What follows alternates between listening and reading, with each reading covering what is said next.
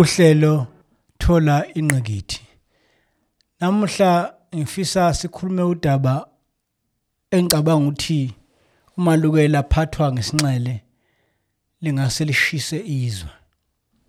Lolu udaba olungekhomishana ephenya ngey'nsolo zokugwamanda kwamandla ombuso. Abanye-ke bayibiza kalula bathi ikhomishana kaZondo.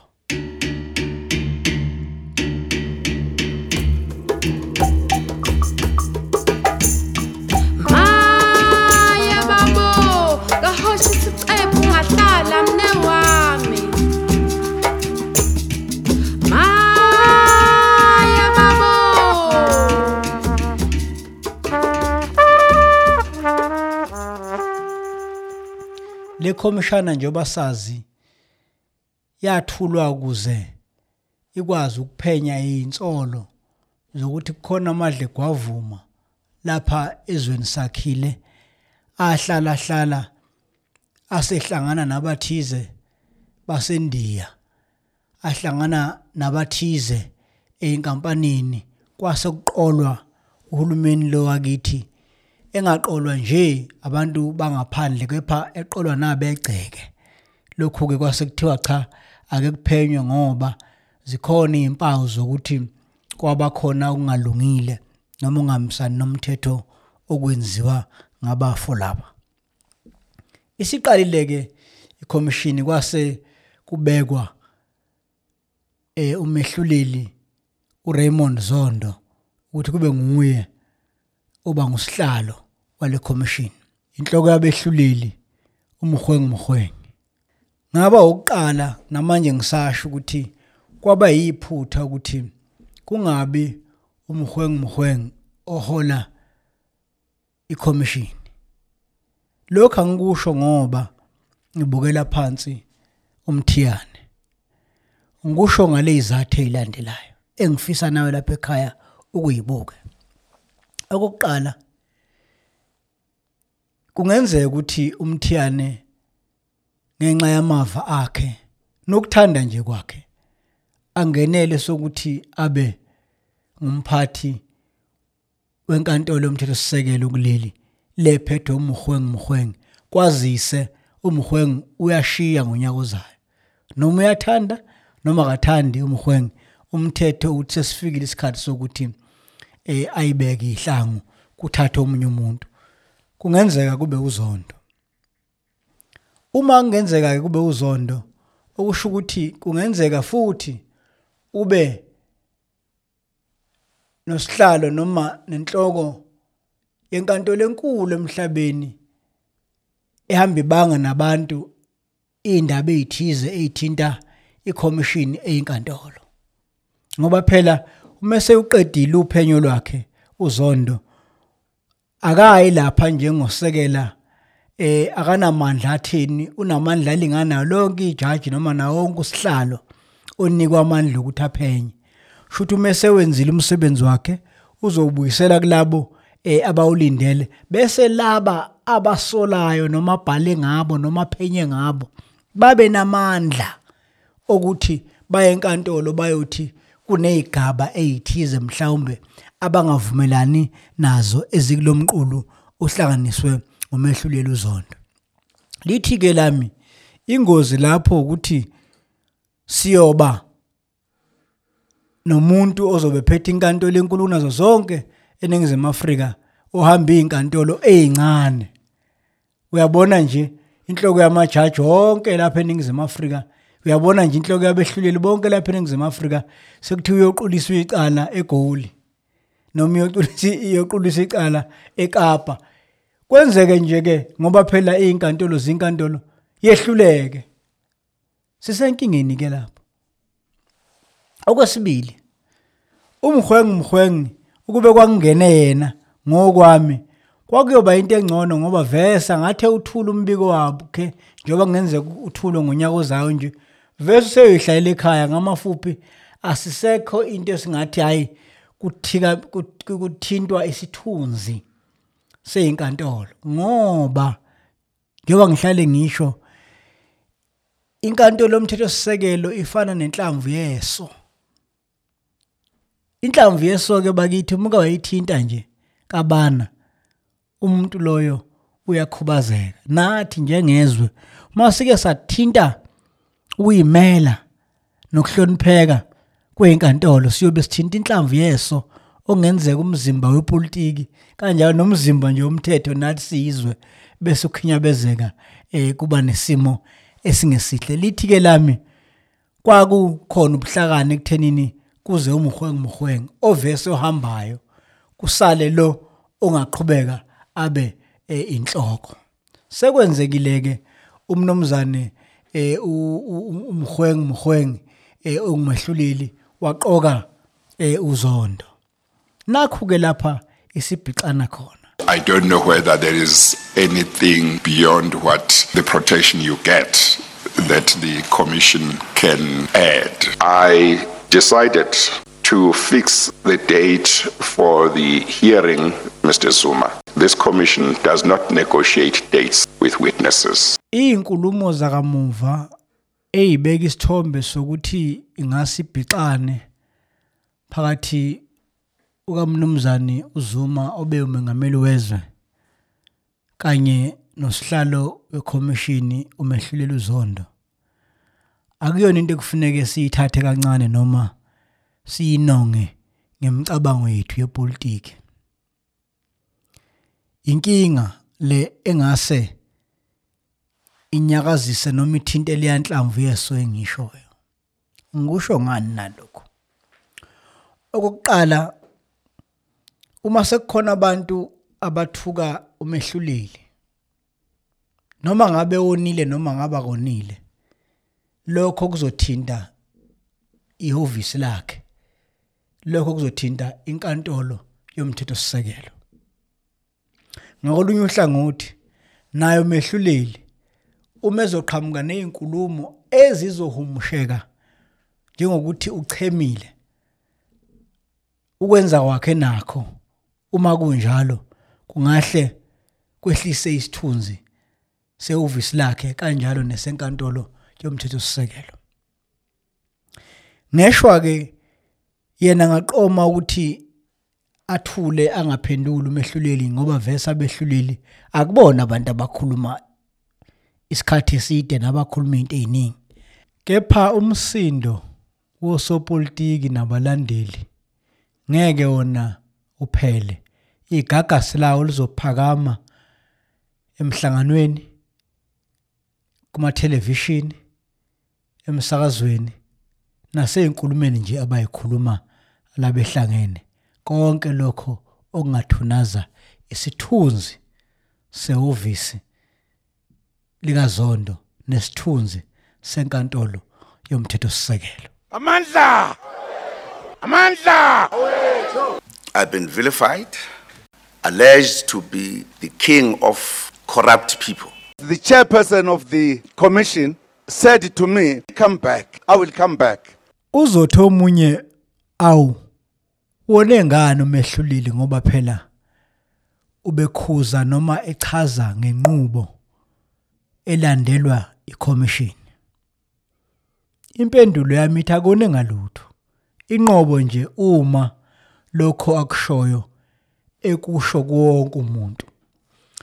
Isithombe esidalekile ngesokuthi akakusho kuwonke umuntu kepha ukusho kumnomzana uZuma. Ubonile yini umnomzana uZuma nabameli bakhe? Iqiniso lithi nabo njengoba bedansa dansa nje umdlalo vese waseyinkantolo ukuthi abameli uma befuna ukuthi lo bammele aphume phambili babe nemidlalo abayidlalayo. Ngakho abameli bakwaZuma bayazi nabo ukuthi badlala muphi umdlalo. Njengoba nozondo azi ukuthi uma ephakamisa izwi ukhuluma nobani.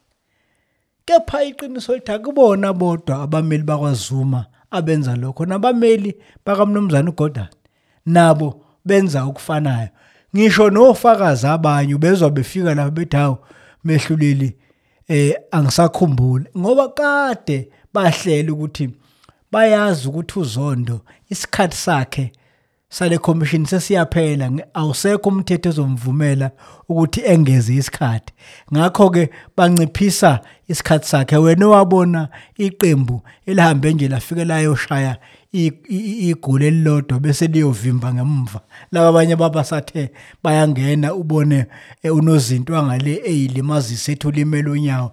Usaqhuba iwashi. Ngakho-ke nabameli bakwazuma nabameli bakagodani nababanye bazama ukuqhuba iwashi ukuze isikhathi sikazondo siphele engakayibuze eminye imibizo engenzeka ukuthi bafake enkingeni.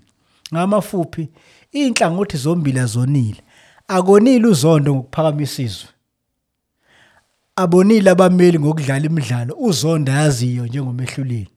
Kepha lapha ubona khona bobabili. Okokuqala uzondo bengenza kangcono ukuthi isitatimende sakhe asenze kube isitatimende sawo wonke umuntu ogila lemkhuba noma odlala lemidlalo yasenkantolo.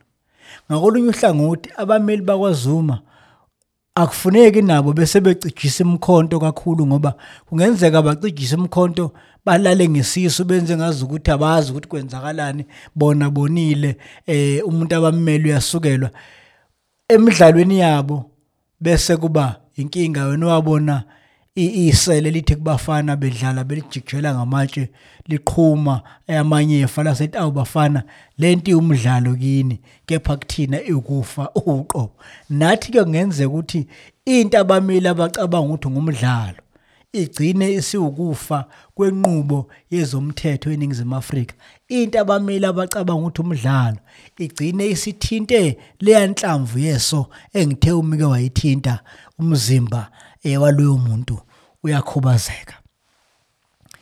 Nakho kodwa kumqoka le ndaba ayikho ngozuma ayikho ngozondo ayikho ngogodani ayikho nanombane. Le ndaba inathi. Le commission yakhela ukuthi izophenya imikhuba eyayigilwa ngemali zethu. Le commission izobheka amagama abantu amagama enkampani laba babegila imkhuba eyenza thina njengezwe singabi namali. Asingavumi ke iziqu zabantu. Kungaba esikamahlulela uzondo kungaba esikamnumzana uzuma noma ugodani asingavumi basemuke ithuba lokuthola ukuthi ngobani lamadle gwavuma. Ngoba uma sike sangakwazi lokho ngesikwazi ukuvimba okufanayo ngesikhathi esizayo. Ngamafuphi ngithi? Sebedlala imidlalo yabo bonke. Thina njengezakhamizi thina njengabavoti thina njengabantu baseningizimu Afrika asiqinisekise ukuthi zonke inhlangothi zibuyele ensimini ngoba okuyohlakulwa lapha inkohlakalo esiyophenyelwa khona lapha inkohlakalo. Esifuna ukuyazi ukuthi yaqalaphi yagcinaphi yathinta obani? Ngoba uma sike sangenwa imimoya le esizofakwa yona lapha kweindabeni sifakwe yona nabantu nje abakhulumayo bathi hayi umahlilo uzondo mubi hayi uzuma mubi hayi ugodani mubi. Sizonaka lokho bese sisitheka ekuboneni isithombe siphelele sokuthi empeleni lapha besizofuna iqiniso. Ngakho kumqoka iqiniso. Uma umnomzana uzuma enolwazi kashone khona umatomela ayokhuluma. Uma uzondo enolwazi noma nendlela yokuphenya kaphenya umthiyane sizwe ukuthi kwenzakalani. Uma ugodani naye ethi akenzanga lutho njengoba ehlala ethi nje yena eh, umsulwa kasivezele phela ukuthi umsulwa khona sizodlula kulokhu ngoba akufuneki lento ibe yiva eliyohlaba lelizwe bese kubhibha isilonda bese siba nongaboni ngasolinye ezweni. Le ayidingi iqembu ayidingi iqembu la politiki ayidingi bala lomuntu ayidingi inkolelo idinga nje iqiniso ngubani lo owadla imali yethu? Iliphi lelidla lelidla ligwavuma elidle imali yethu. Yipi lenkampani le edle imali yethu? Uma sithole lokho okunye sengalandela kokugcina konke sesikwenzile. Le commissioner khumbulani ukuthi umnumzana uZuma owavuma ukuthi ayiqokwe? uRamaphosa unezele nje imithetho eh, nenqubo ethize kodwa umuntu owathi ayibe khona uZuma ngamafuphi ngokwenza njalo. uMatomela wayethi naye uyayifaka uyawuhlonipha umthetho sisekelo lelizwe kanjalo nomehluleli uzondo uma eqokwa umhwengi njengoba ngishilo into engibe engaboni ukuthi kube yiphutha wavuma. Naye wayethi nami noma ngiwumehluleli angikho ngaphezulu komthetho sisekelo asingavumi ke bakithi lokho sekwenzeka.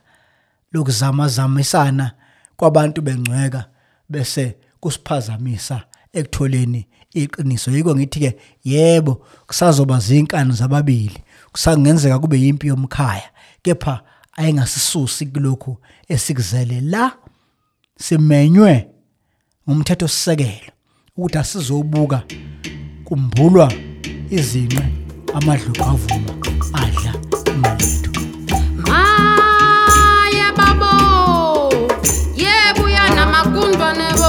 iya nina benkosi Maye singayilanda le ndaba kuze kuse ngiphathele ukudla Zimnandi ziyasithinta mne sonke. wami. kepha ke isikhathi Mina isikhathi ngihambile mne wami. ngiyafisa ke ngalamagama engiphethe ngawo Emzini bo. ngiligoqe uhlelo namuhla Fice ngiyethembisa ukuthi kuphela nakusasa ibanga. siyophinda futhi sihlaziye ngezinga elifanayo ukuze lapho wena ekhaya ucoshe ingqikithi